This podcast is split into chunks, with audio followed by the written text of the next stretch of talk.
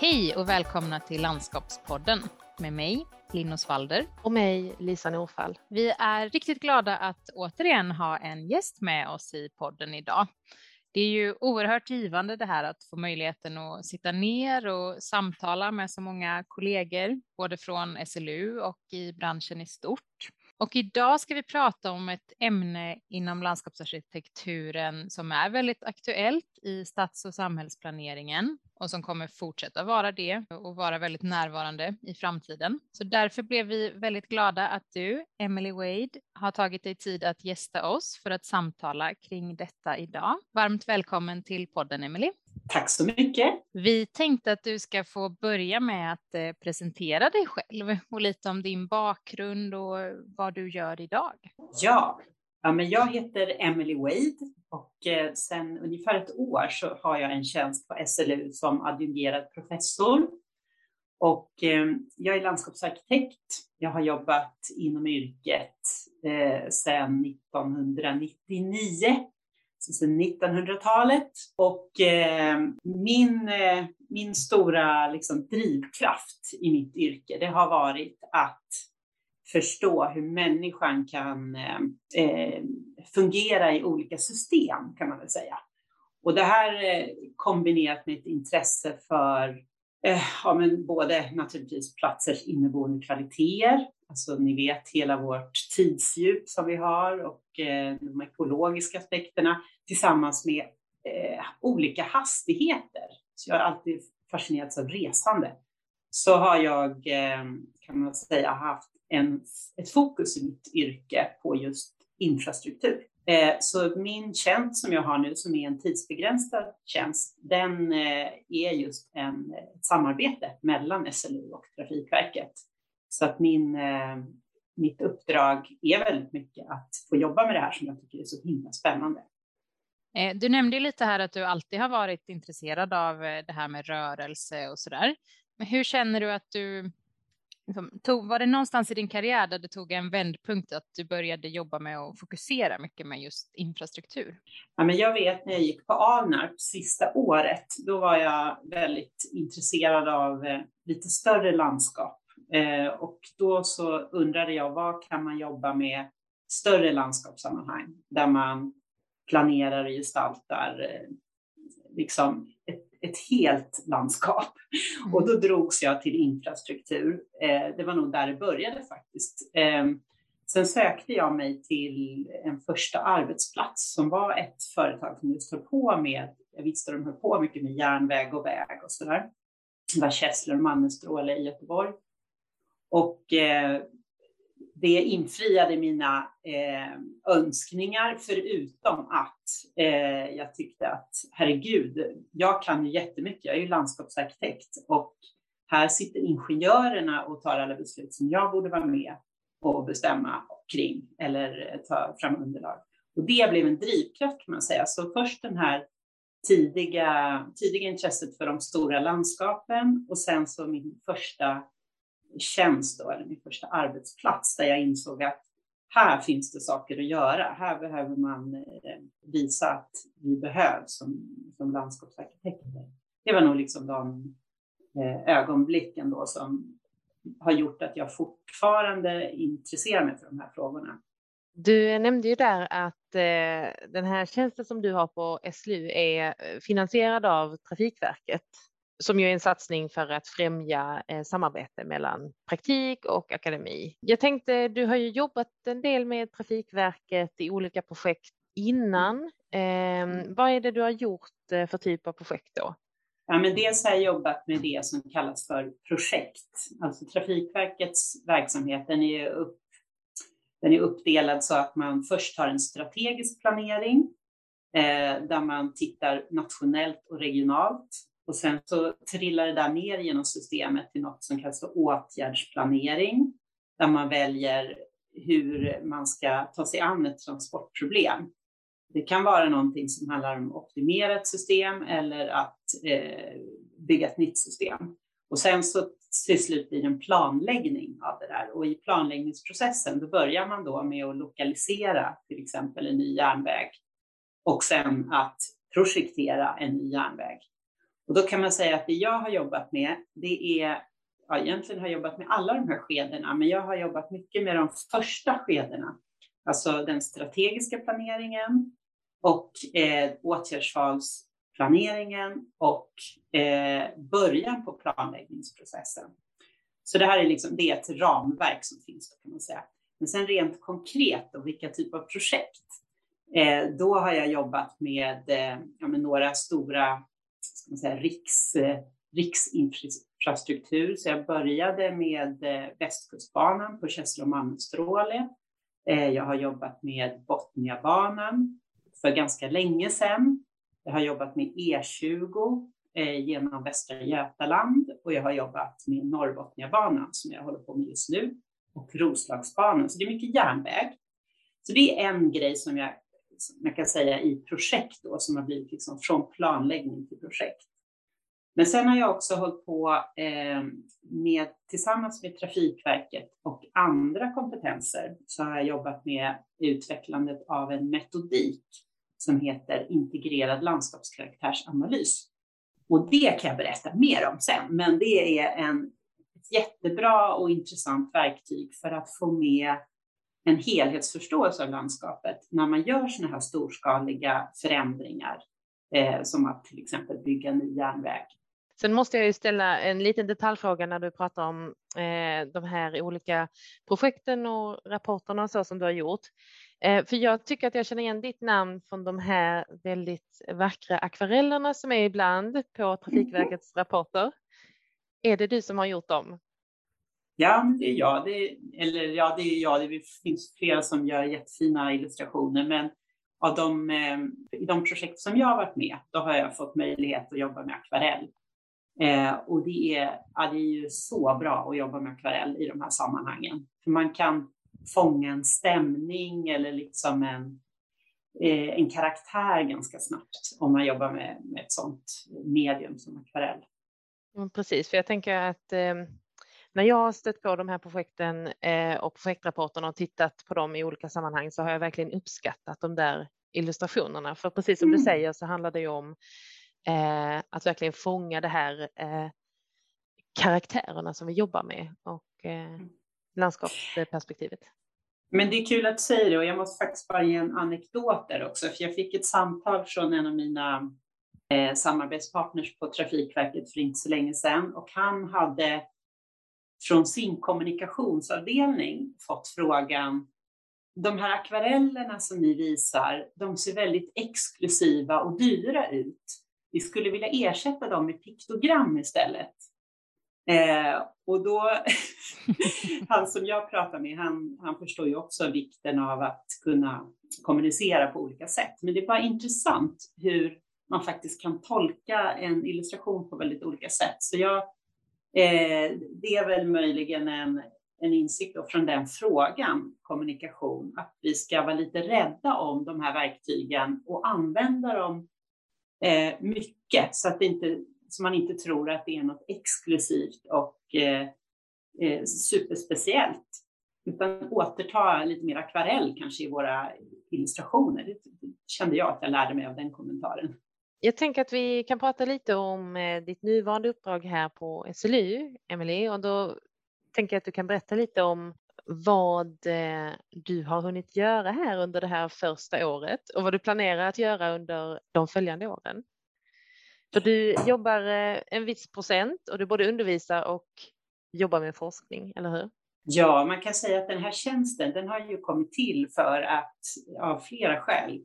Dels är det för att allmänt eh, säga, visa närvaro och öka kunskapen kanske inom det här området på grundutbildningen.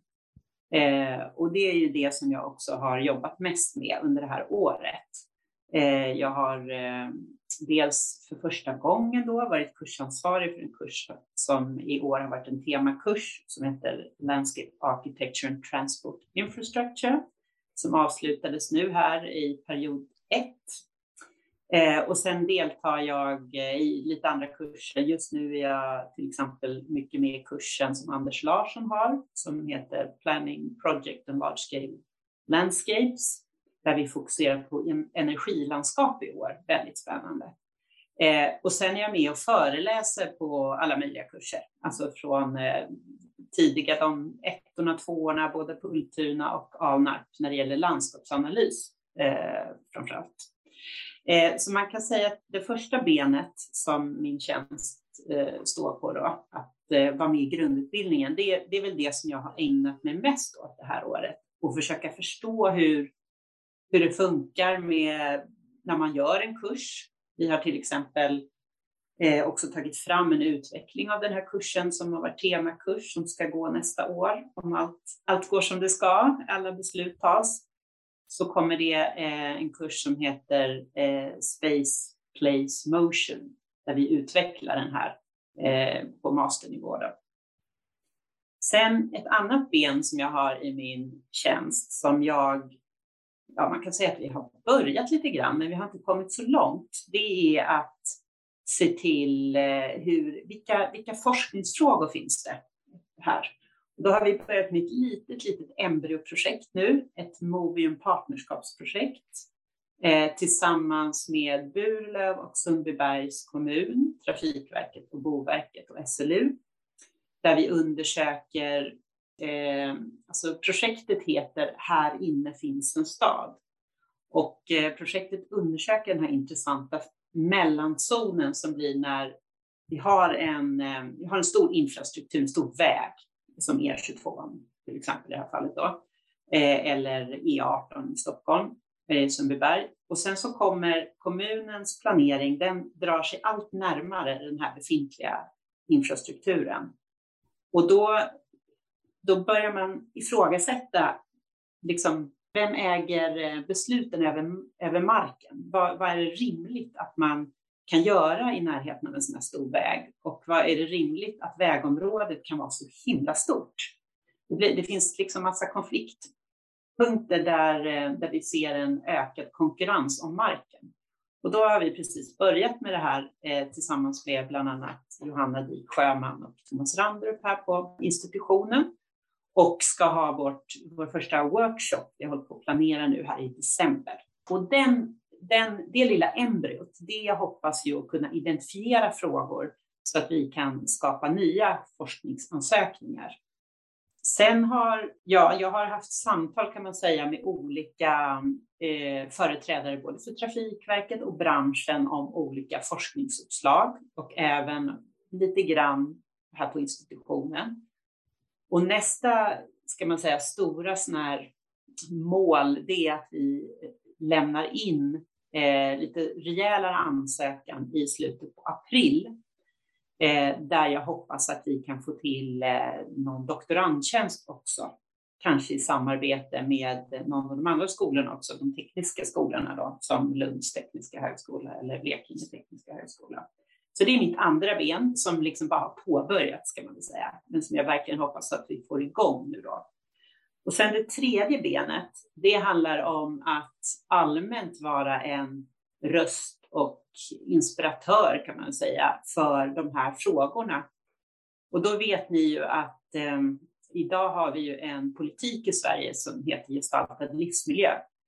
Och det är en politik som har fört in design och arkitektur i, i, liksom, i den politiska sfären igen. Och och då betyder det att varje myndighet har ett uppdrag att genomföra det här gestaltad livsmiljö i sin verksamhet. Och Trafikverket har ju jobbat internt med det här nu då i flera år. Och min tjänst, det tredje benet kan man säga, är att lyfta de arkitektoniska frågorna bara som ett språkrör och ut i branschen. Så att jag har haft eh, flera medverkan på olika seminarier för de nationella myndigheterna och för olika företag ute i branschen för att diskutera och peppa eh, vad kan man säga, folk som håller på med infrastruktur om eh, att vi har verkligen en uppgift att fylla och att det finns en, en stor, det, fin, det, är hög tid nu att höja, som säga, höja upp det estetiska i, i de här anläggningarna. Det, det berör så himla många människor. Det här är ju verkligen vardagsmiljöer som vi inte kommer undan på något sätt. Vi, vi vistas i de här hela tiden. Så de tre benen kan man säga, utbildningen, forskningen och eh, kommunikationen och peppen. det är väl det som är mina tre uppdrag och eh, där jag har kommit kan man säga lite olika långt med de här olika benen. Då.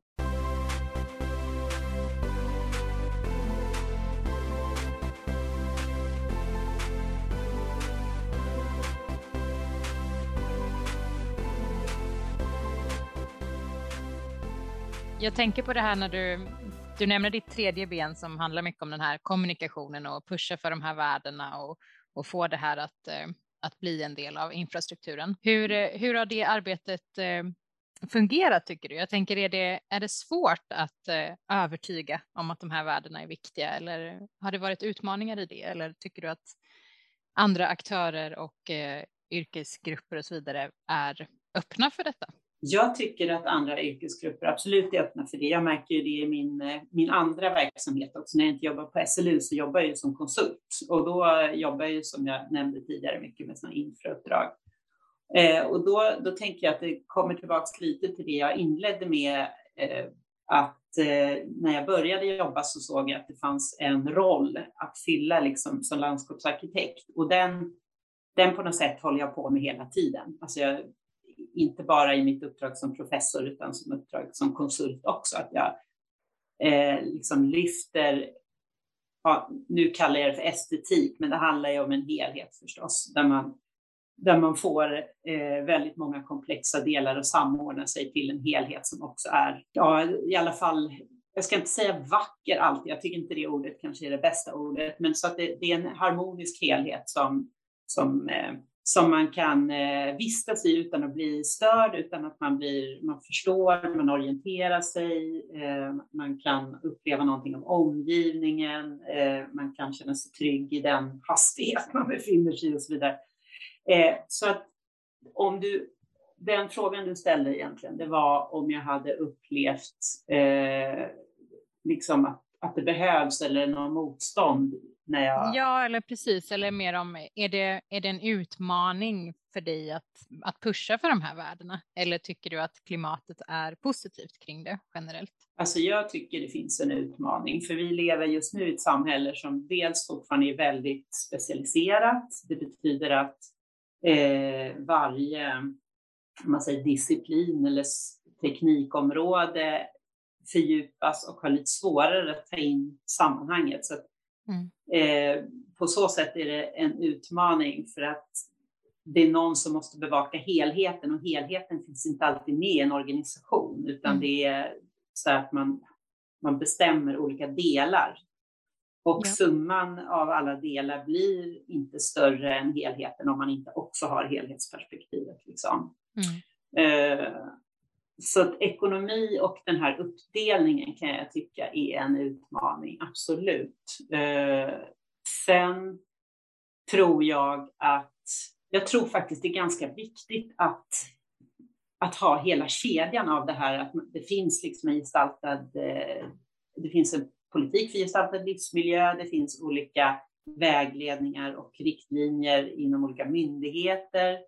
Eh, det finns en eh, en yrkeskår som har, eh, som har lite självförtroende, att vi kan och att vi behövs. Eh, och har man dem, liksom, om vi nu kallar det för bottom-up och det andra styrdokumenten är top-down, om man har båda de två på plats, då tror jag att det finns jättemycket att göra. Men jag tror också att vi, vi, vi behöver verkligen stärka våra studenter så att de känner att det här är viktigt, det här är kul, jag kan verkligen bidra med någonting som blir bra för så väldigt många människor.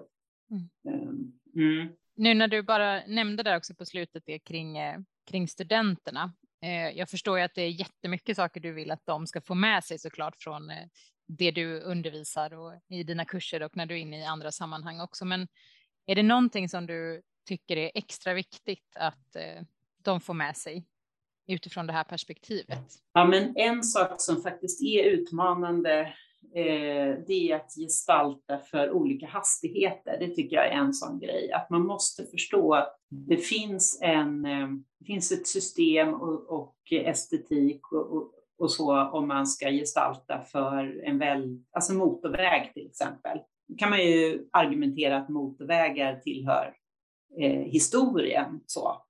Men det är fortfarande så att vi, vi, eh, ja, vi gör sådana stora ingrepp och då behöver man förstå att hastighet, hastighet är någonting som bestämmer designen. Och vi hade en jättefin föreläsning av Benny Birgersson här på vår eh, temakurs som sätter verkligen fingret på det att man behöver förstå. Det är precis som man förstår andra rumsligheter eh, när man lär sig gestalta en plats. Eh, vad, hur ett rum avgränsas och, och, hur man kan orientera sig. Det är samma sak när man jobbar med, med hastigheter, men man måste tänka liksom lite annorlunda. Så att Benny Birgerssons bok, han har ju skrivit en bok som heter Vägen och eh, förhoppningsvis kanske i framtiden någon gång en film som, som handlar om det här. Det tror jag är sådana saker som är viktigt för studenterna att få med. En annan grej, det är liksom det här med helheten, att eh, om vi nu ska beakta landskapets historia, tidsdjupet och ekologin, då behöver det göras med en liksom, estetisk fingertoppskänsla. Så att en ekodukt, det, det, är liksom, det blir olika bra beroende på hur man utformar en ekodukt.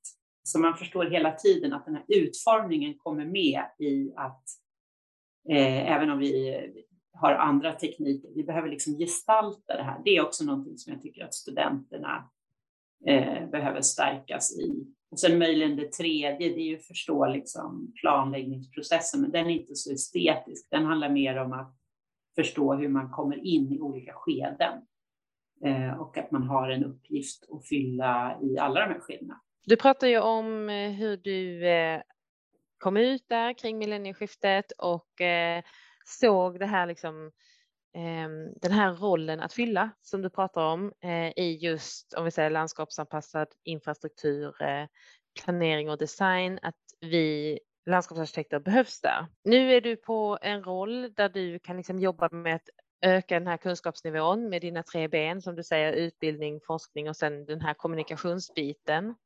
Eh, men det låter ju som att det har hänt väldigt mycket på de här åren, i alla fall inom Trafikverket. Alltså du berättar om de här metodiken som ni har tagit fram och så där. Så jag tänkte vi kanske kunde prata lite om just den här metodiken med eh, landskapsanalys, den här integrerad landskapskaraktärsanalys. Så du kan väl mm. berätta lite om vad det är och, och var man hittar det om man vill eh, jobba med den. Mm. Lite mer.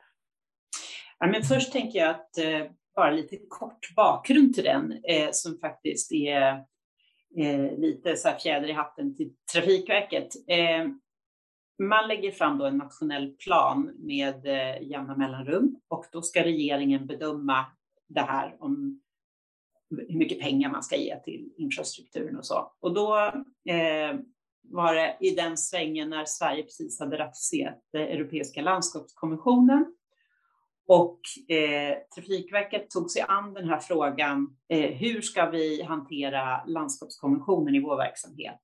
Samtidigt som de fick bakläxa från regeringen att den nationella planen den sa väldigt lite om hur landskapet skulle påverkas av att man investerar så här jättemånga miljarder i, i, i vår gemensamma miljö. Och då initierade man ett eh, forsknings och innovationsprojekt eh, som då från början hette Landskap i långsiktig planering, som syftade till att se hur kan man hitta en metod för att eh, på allvar få in landskapskonventionen i verksamheten och hur kan vi på ett bra sätt göra att vi kan bedöma påverkan på landskapet när vi jobbar i väldigt tidiga skeden. Eh, och då började vi det projektet med att utgå från landskapskaraktärsanalys, alltså LCA, som är en, en brittisk metod. Och så, så tog vi hjälp av en, eh, en väldigt kunnig landskapsarkitekt från Norge som heter Morten Clementsen på NBU och eh, påbörjade en utveckling kan man säga av landskapskaraktärsanalysen. Så grunden för Alltså det är väldigt många landskapsarkitekter som har läst någon kurs om landskapskaraktärsanalys. Och det handlar ju om att man eh, kan beskriva landskapet som helhet, att man gör karaktärsområden, eller snarare så här, man gör landskapstyper. Det är liksom en generell beskrivning av landskapet. Och sen så inom det så finns det unika områden som heter eh, karaktärsområden.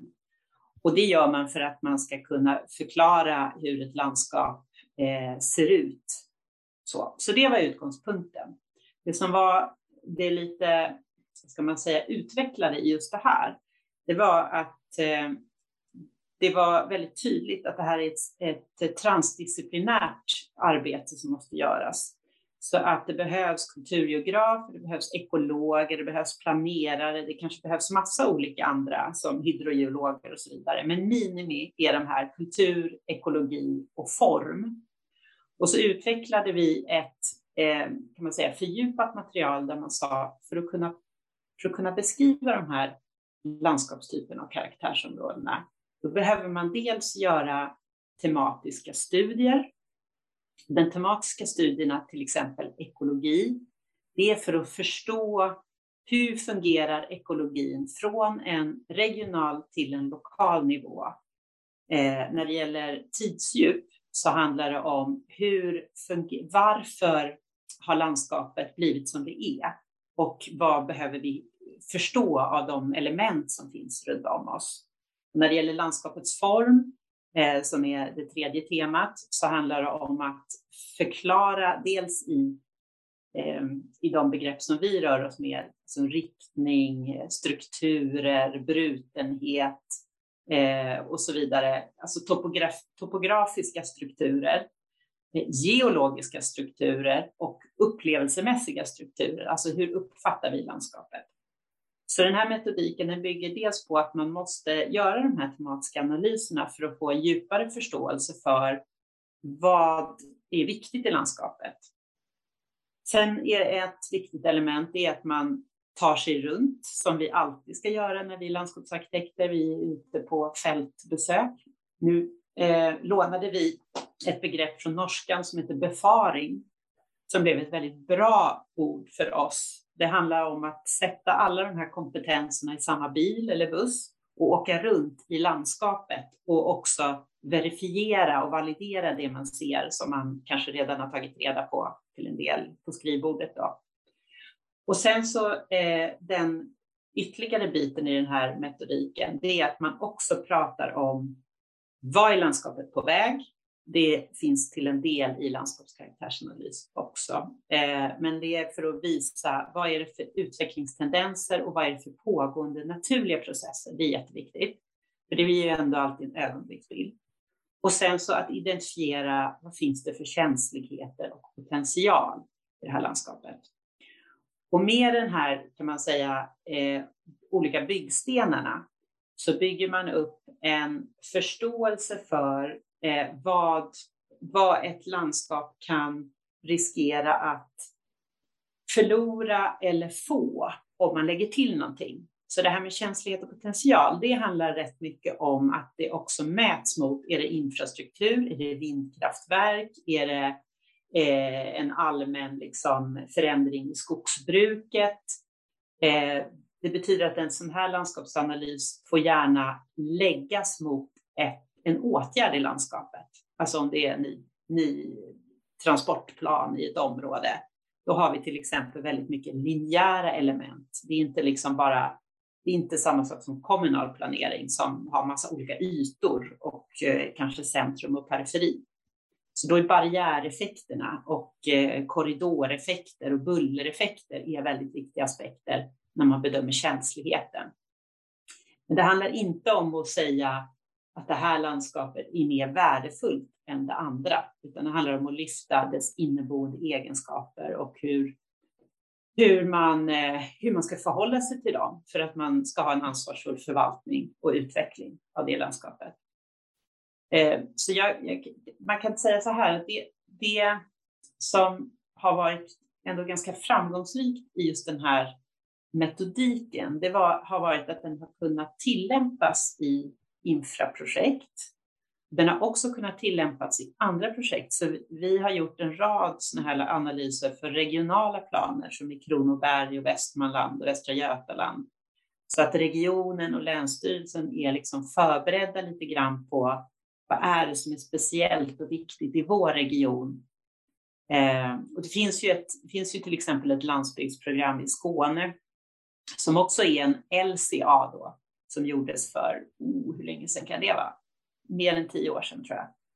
Eh, men den, den har ju då inte med det här känslighet och potential eh, på samma sätt.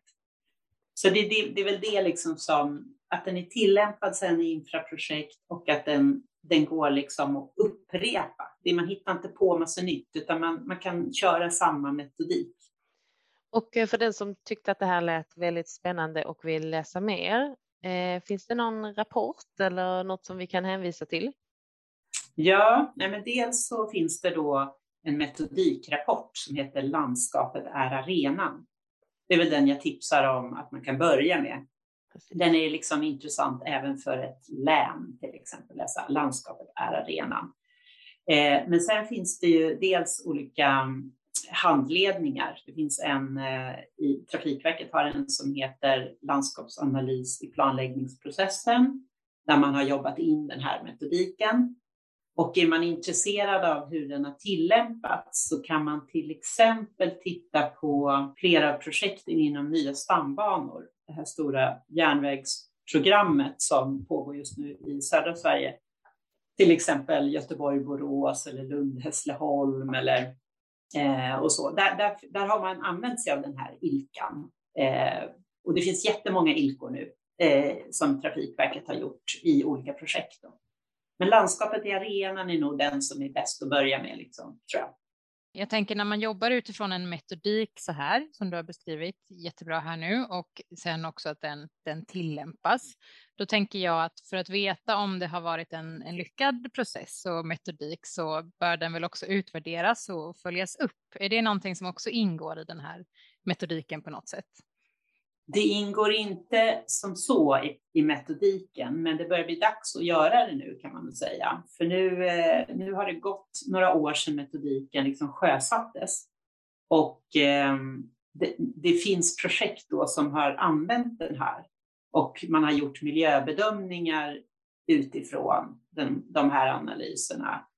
Eh, så nu är det ju hög tid att göra det skulle jag vilja säga. Och det kan man ju tänka sig skulle också vara ett sånt här bra trafikverksforskningsprojekt nu då. Att man gör en ordentlig utvärdering om vad har effekten varit? Eh, så man får den krassa verkligheten då, om, om det har varit effektivt.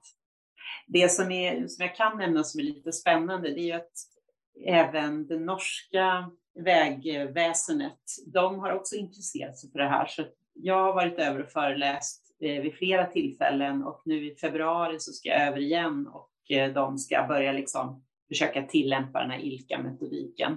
Så det, det, det, är ju uppenbarligen något som fyller någon slags hålrum eh, när man inte har det. Eh, och jag hade även en föreläsning för eh, nya zeeländska eh, liksom motsvarande Sveriges arkitekter och de var också otroligt intresserade av den här metodiken. Så att jag, jag tror man inom anglosaxiska kulturen, om man säger liksom Australien, Storbritannien, USA och så vidare, där har man ju jobbat väldigt länge och framgångsrikt med visuell bedömning, alltså analyser för att bedöma den visuella påverkan. Men den här är på något sätt bredare och tar frågorna på allvar. Liksom. Hur, mm. hur, blir det med vattnet? Hur blir det med, med den biologiska mångfalden? Hur blir det med vår identitet och så vidare? Det är liksom inte, det blir en helhet helt enkelt. Mm. Um, men absolut vore det intressant att genomföra en sorts utvärdering av hur effektiv, eh, vad är effekten av, av att använda den här metodiken? Det tycker jag är bra.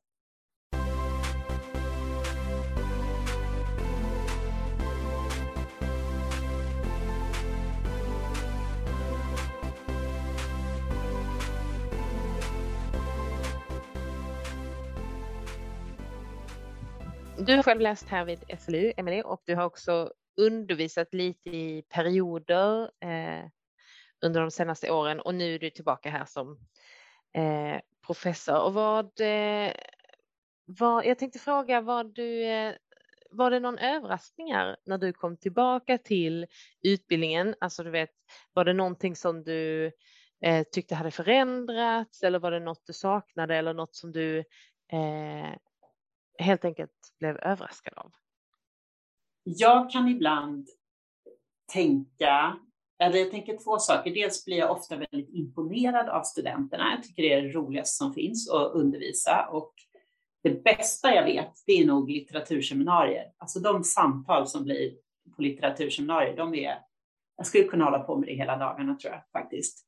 Eh, det är någonting som har, har väckt min nyfikenhet som inte jag kommer ihåg riktigt att vi hade så mycket faktiskt när jag pluggade.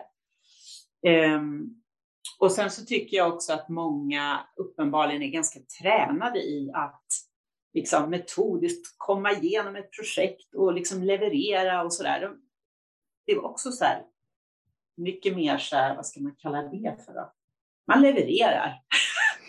Men det jag möjligen eh, tänker också är en annorlunda grej, det är att när jag gick, då tror jag det var lite mer så här, så man utmanade kanske lite mer och ifrågasatte fler saker. Och jag uppfattar idag som att eh, flera studenter, de är, de är intresserade av att, att göra rätt och eh, intresserade av att eh, liksom få bra betyg. Eh, och i praktiken kan man säga sen som arbetsgivare då, som jag ju också på något sätt vis är min konsultroll, då ser ju jag att betygen har väldigt lite betydelse. Eh, men däremot liksom personer som vågar utmana och de ska veta vad de gör naturligtvis, men de, de ska också gärna våga utmana och förstå att svaret kanske inte finns inom den ram som är satt, utan man kanske måste gå utanför. Det är någonting som jag eh, har liksom inte tänkt, eh, jag har inte formulerat riktigt vad det betyder, men det, men det tror jag ändå skulle vara en intressant fortsatt tanke i undervisningen. Hur får mm. man en undervisningssituation så att folk verkligen, studenterna vågar bli lite provokativa eller liksom gå utanför gränsen och ifrågasätta mer. Det, det kanske jag hade. Mm. Eh, jag ska fundera ja. lite på det i fortsättningen. Mm. Jag tänker på något som vår eh, programstudierektor för landskapsarkitektprogrammet här på ANAP, eh, Jitka Svensson, hon brukar säga att landskapsarkitektur är ju något som vi skapar gemensamt och att studenterna är en del av det medskapandet. Att det är ju inte så att de ska tränas liksom in i en yrkeskår där de ska liksom göra rätt som du säger, utan att eh, de har också rätt att ifrågasätta vad landskapsarkitektur är och inte är. Och eh, det tänker jag att vi borde bli liksom, bättre på att eh, kommunicera tillsammans med dem. För det är precis som du säger att betyg eller huruvida man liksom klarade en uppgift som var formulerad eh, på ett visst sätt. Det är ju inte det som gör en till en, en bra landskapsarkitekt, utan det handlar ju om ett sätt att tänka och att våga eh, stå upp för saker när man behöver det och eh, våga liksom vara innovativ och eh, utforska och inte vara rädd för att eventuellt gå på någon nit och sådär. Men sen tror jag att det finns ju ett otroligt eh, ansvar och möjlighet i själva kursupplägg och så där. För att till exempel den här temakursen vi hade nu, då, då tänkte jag i år, ja men jag vill ha liksom mer fokus på så här ifrågasätta hållbar eh, mobilitet och landskapsanpassning och olika transportslag och så där. Och vi har haft eh, bra diskussioner, vi har haft bra studiebesök och föreläsare och så. Men många eh, studenter valde att jobba med cykel. Och det är ju jättebra att man behärskar cykel. Eh, men alla transportfrågor löses ju inte med cykel. Det vet vi ju. Ska jag ta mig hemifrån där jag befinner mig nu då, i Stockholm till Alnarp, då, då kommer man inte så långt med cykel. Liksom.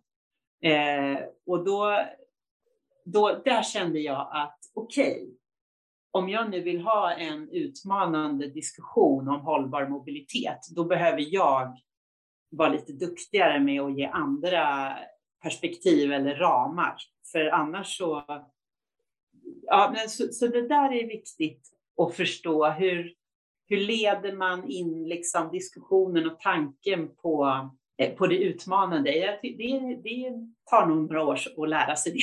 Ja, men såklart. Och det handlar ju säkert också om eh, vilka frågor vi är bekväma och känner att vi har liksom mandat att tycka till om. Eh, jag mm. tänker just att det är lättare att tycka till om cykelinfrastruktur än om eh, liksom biltrafik. Eh, Och att det är precis som att när vi pratar om planering så upplever jag att landskapsarkitektstudenter har lättare att tycka till om allt det som är mellan husen, men just husen, de ligger liksom fasta, de vågar vi inte röra i. Men där är jag ju av uppfattningen att eh, det vågar vi visst och vi kan ifrågasätta hur det här ser ut på ett strukturellt plan och så. Mm. Mm. Verkligen, och nu den här kursen som pågår när vi spelar in den här podden, den här Planning Project on Large Scale Landscapes, där har vi ju kanske, i alla fall nu i början, lyckats liksom vidga lite mer. Eh, och det är bland annat tack vare ett jättespännande samarbete som vi har med några som heter LabLab, eh, som är liksom ett utforskande kontor. Eh, och då, vi var på en studieresa här till eh, Dalarna för några veckor sedan och eh, liksom de spännande diskussionerna vi hade på den här resan, det var ju tack vare att vi, vi liksom kastar upp andra saker. Det är kultur och det är filosofi och det, det, det liksom vi tänjer på, på begreppen och vi pratar om det och så där. Så att eh, formatet för kursen naturligtvis har ju jättestor betydelse för eh, vad man känner är, vad får man kliva in i för område. Och jag tror vi som landskapsarkitekter, i synnerhet när vi rör oss i, i landskap där vi har konkurrens med andra tekniker, behöver vara liksom, förstå att vi ska träna oss och balansera på gränsen. Vi är gränsgångare. Och hur gör vi det på ett bra sätt? Då, liksom? eh, vad behöver vi för verktyg och, och tankar för att kunna vara bra jag ska inte säga lindansare, för så riktigt så hemskt är det inte, men liksom någon gränsgångare i alla fall. Så, det, är det vi behöver vara, det är där vi gör väldigt mycket nytta. Jag tycker det är jätteintressant att höra dig prata om detta, för jag tycker att lite av den här diskussionen har varit uppe i flera sammanhang faktiskt, liksom det senaste, för att bara förra veckan när vi hade det här eh, firandet för att landskapsarkitektutbildningen fyller 50 mm. år, så hade vi ett eh, ett avslutande runda bordssamtal där det var eh, hedersprofessorer från eh, mm. internationella universitet som var med på länk och pratade utifrån vad de såg för utmaningar och så vidare i, i framtiden. Eh, och just det här var ju, visst var det Jill Panalosa, Lisa, som mm. nämnde just det här kring eh, att vi måste vara väldigt rädda om den här aktivisten som bor inom varje landskapsarkitektstudent på något vis och att den inte får slockna utan att det handlar ju mycket om att våga ta det där eh, ansvaret, att våga leda processer, att vara i den formen av forum och ha det där självförtroendet som du pratar väldigt mycket om nu. Att våga förstå sin egen eh, ja, men sin egen roll och, och, vikt för att faktiskt driva de här frågorna och föra eh, utvecklingen framåt. Så det tycker jag är mm. lite det du också är inne på här, att verkligen ha den där ifrågasättande rollen och ha självförtroende. Mm. Och jag tror vi gör det vi gör det på olika sätt. Vi gör det genom att bli, liksom, ha ett kollegialt eh, samtal och bli proffsiga på det, men vi gör det i att möta andra mm. andra tekniker, andra kulturer och så mm. vidare.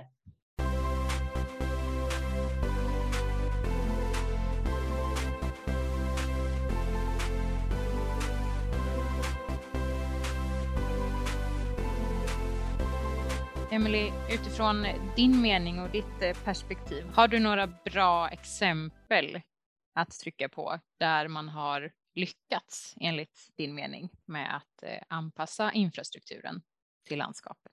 Jag tycker att många gånger blir de bästa lösningarna sådana som har fått ta lite tid och eh, kanske haft sina friktion för att komma dit de ska. Det är inte helt oviktigt. Och då kan jag väl nämna ett exempel som faktiskt till och med har blivit prisbelönt och det är eh, när man skulle bygga om E6an eh, längs västkusten.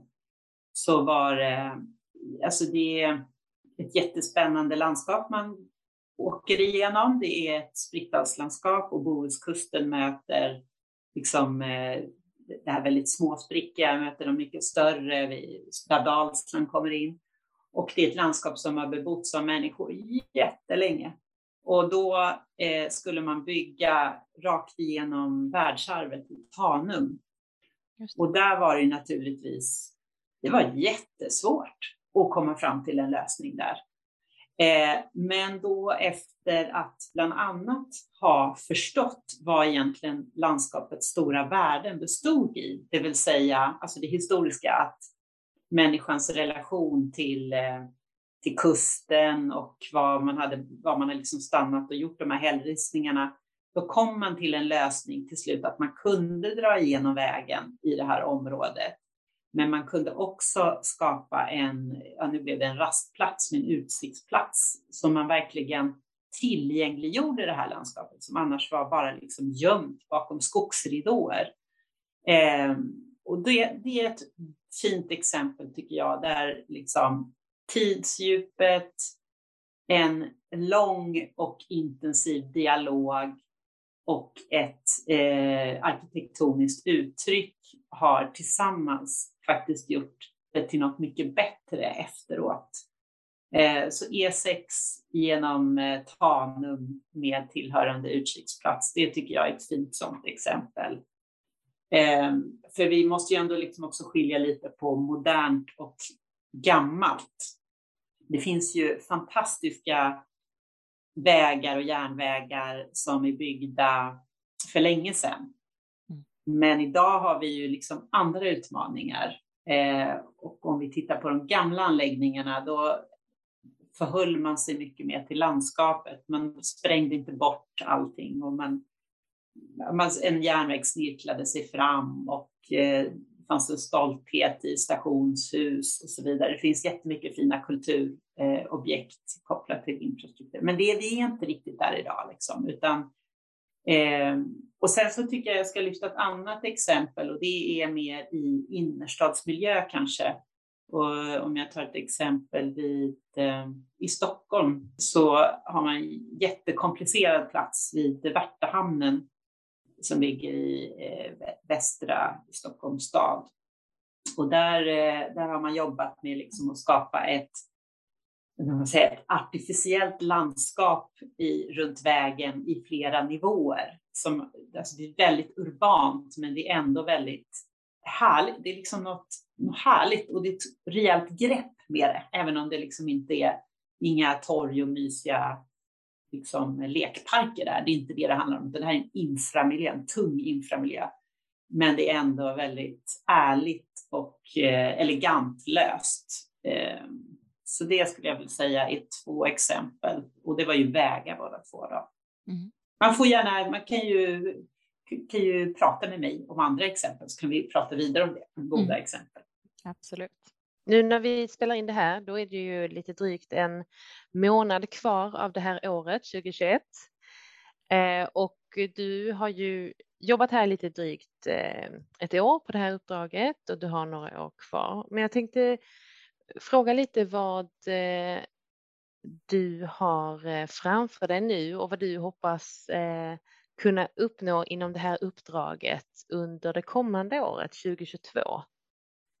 Ja, nej men det första som jag hoppas det är att jag, eh, om, man tänker de här tre benen då som jag nämnde tidigare, så när det gäller utbildning så hoppas jag att vi dels kan, eller jag kan vara med och utveckla den här eh, kursen så det blir lite mer så expanderat som vi pratade om tidigare, att man, man inte räds att kliva in på andras områden. Och att jag gärna är med eller jag skulle vilja vara med i flera kurser bara för att introducera ja, med både landskapsanalys och infratänk om man säger tidigare i utbildningen så, så studenter redan på första två åren eh, får liksom en, en, smak för det här. Det, det, är liksom en intressant grej i det benet. Eh, benet med forskning närmaste året, ja men då hoppas ju jag att vi faktiskt får in och får igenom en forskningsansökan som leder till en tjänst, i alla fall minst en tjänst på eh, vår institution som kommer att hålla på med en infrarelaterad. Eh, och det kan ju mycket väl vara det vi har pratat om, eh, både en uppföljning av, av det här med ILKA. Det skulle också kunna vara en annan sak som jag eh, vurmar för och det är vad, vad gör de här verktygen som vi jobbar med, med infra, ett gestaltningsprogram till exempel, vad har den för roll och vad har landskapsarkitekten för roll och, och möjlighet att påverka i projekten? Båda de två sakerna är de finns redan som projektidéer så att säga. Så att, att, att få igenom finansiering för eh, forskning, en forskartjänst, eh, det skulle jag vilja. Och när det gäller det tredje benet och kommunikation, ja men då, då ser jag framför mig att vi har påbörjat något slags eh, antingen film eller bokprojekt kanske med hjälp av, inte vet jag, det kan vara andra nordiska universitet eh, och branschen där man på något sätt uppdaterar, eh, alltså det blir en bredare kommunikation kring att det här är, det här är viktigt. Och ett branschforum eh, där man ser till att de som redan jobbar, de som redan är ute i verksamheten och jobbar med de här frågorna får lite stöttning och får nörda in sig på de här frågorna. Eh, det kanske till och med identifieras att det finns behov av en fortbildningskurs eh, med ett branschforum. Så de sakerna hoppas jag i alla fall att det ska hända lite mer med under det här året som kommer då. Tack, det låter jättebra. Förutom allt det här andra som du har nämnt, Emelie, som du ju jobbar med, med kommunikationen och att få ut det här och sprida all den här kunskapen och behovet av kunskap. Är det, jobbar du med det på något annat sätt, i något annat forum eller nätverk? Ja, men jag skulle vilja nämna en sak som jag verkligen skulle eh, tro att flera har stor glädje av att veta. Eh, sedan ganska många år så är jag engagerad i International Federation of Landscape Architects, IFLA. Och för några år sedan så ansökte Sverige eh, tillsammans med Kenya om att få vara värdar för en sån här världskongress. Och nu pågår det en jättespännande planering för ett evenemang som kommer att ske 2023. Det här är alltså en kongress som samlar eh, landskapsarkitekter från hela världen som ambulerar mellan stadsdelar, eller inte stadsdelar utan mellan världsdelarna. Och eh, första gången så gör vi det här som en bilateral grej. Så att vi ska alltså, vi håller nog på för fullt och samplanerar med eh, Kenya och jag och en delegation ska ner här väldigt snart för att ha ett planering med dem. Men i det arbetet så är SLU en jätteintressant och viktig partner. Eh, vi är flera här som redan har liksom påbörjat ett arbete, men både hos studenterna, att det finns en enorm möjlighet sen att bli en del av det här arrangemanget, eh, både genom att vara med i studenttävlingar, eh, vara med som volontär, eh, vara med och lyssna på gästföreläsare, Eh, men också hos personal och kunna delta i att titta på sådana här spännande förslag som kommer in, för det kommer att komma in papers lite på samma sätt som vi gjorde med Eklas, eh, där vi ska göra ett urval för att fylla de här dagarna med ett väldigt spännande program. Så det, det är ett engagemang, ett internationellt engagemang som jag, eh, mitt hjärta klappar väldigt mycket för och som jag nu ser, vi har en fantastisk möjlighet här på SLU att vara en del av. Och det här är alltså något som kommer att ske 2023 och eh, planeringen pågår nu för fullt. Mm, vad spännande. Kan man hitta information om detta någonstans? Ja, nej men det finns en hemsida som är igångsatt som heter ifla2023.com. Och där kan man börja titta på eh, evenemanget. Sen mm. kommer den att uppdateras, men IFLA 2023 kom, kan man gå in och kolla. Mm. Ja, men stort tack Emily för att du har tagit dig tid att samtala eh, med oss kring detta. Det har varit otroligt givande och väldigt intressant att eh, höra dig prata och höra ditt engagemang kring det här. Jättejätteroligt. Kul, tack så mycket för att ni bjöd in mig.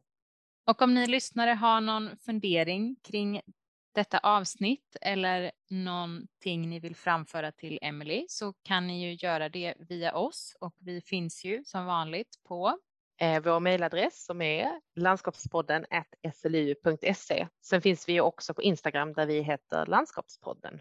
Och med det så tackar vi för denna vecka och eh, vi hörs igen nästa vecka med ett nytt spännande avsnitt. Stort tack för att ni har lyssnat. Ha det så bra. Hej då! Hej då!